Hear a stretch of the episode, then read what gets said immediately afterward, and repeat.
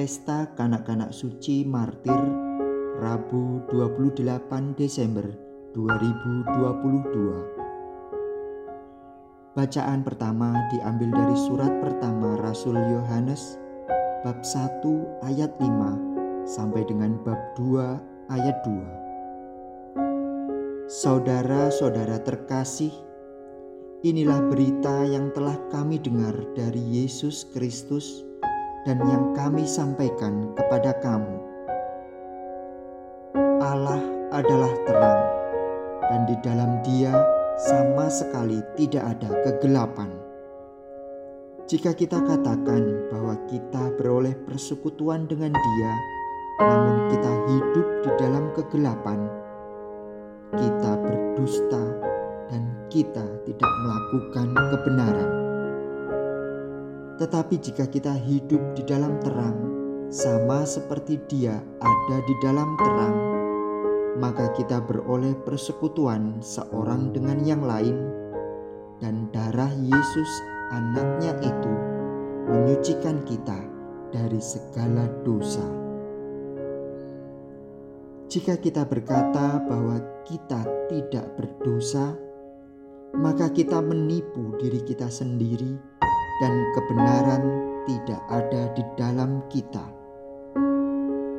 Jika kita mengaku dosa kita, maka Allah adalah setia dan adil, sehingga Ia akan mengampuni segala dosa kita dan menyucikan kita dari segala kejahatan.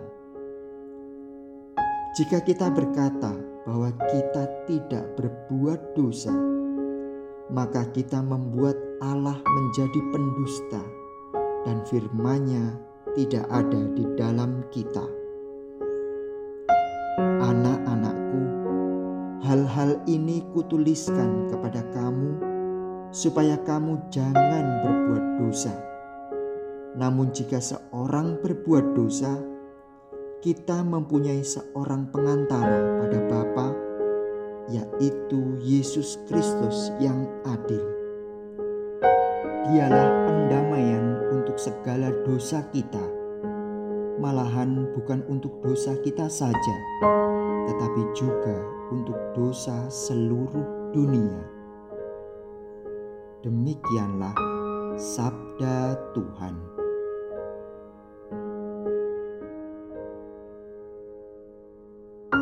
Bacaan Injil diambil dari Injil Matius bab 2 ayat 13 sampai dengan 18.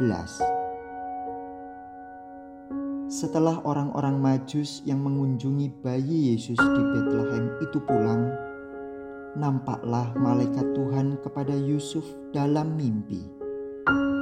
Malaikat itu berkata, "Bangunlah, ambillah anak itu serta ibunya." larilah ke Mesir dan tinggallah di sana sampai aku berfirman kepadamu. Karena Raja Herodes akan mencari anak itu untuk dibunuh. Maka Yusuf pun bangunlah.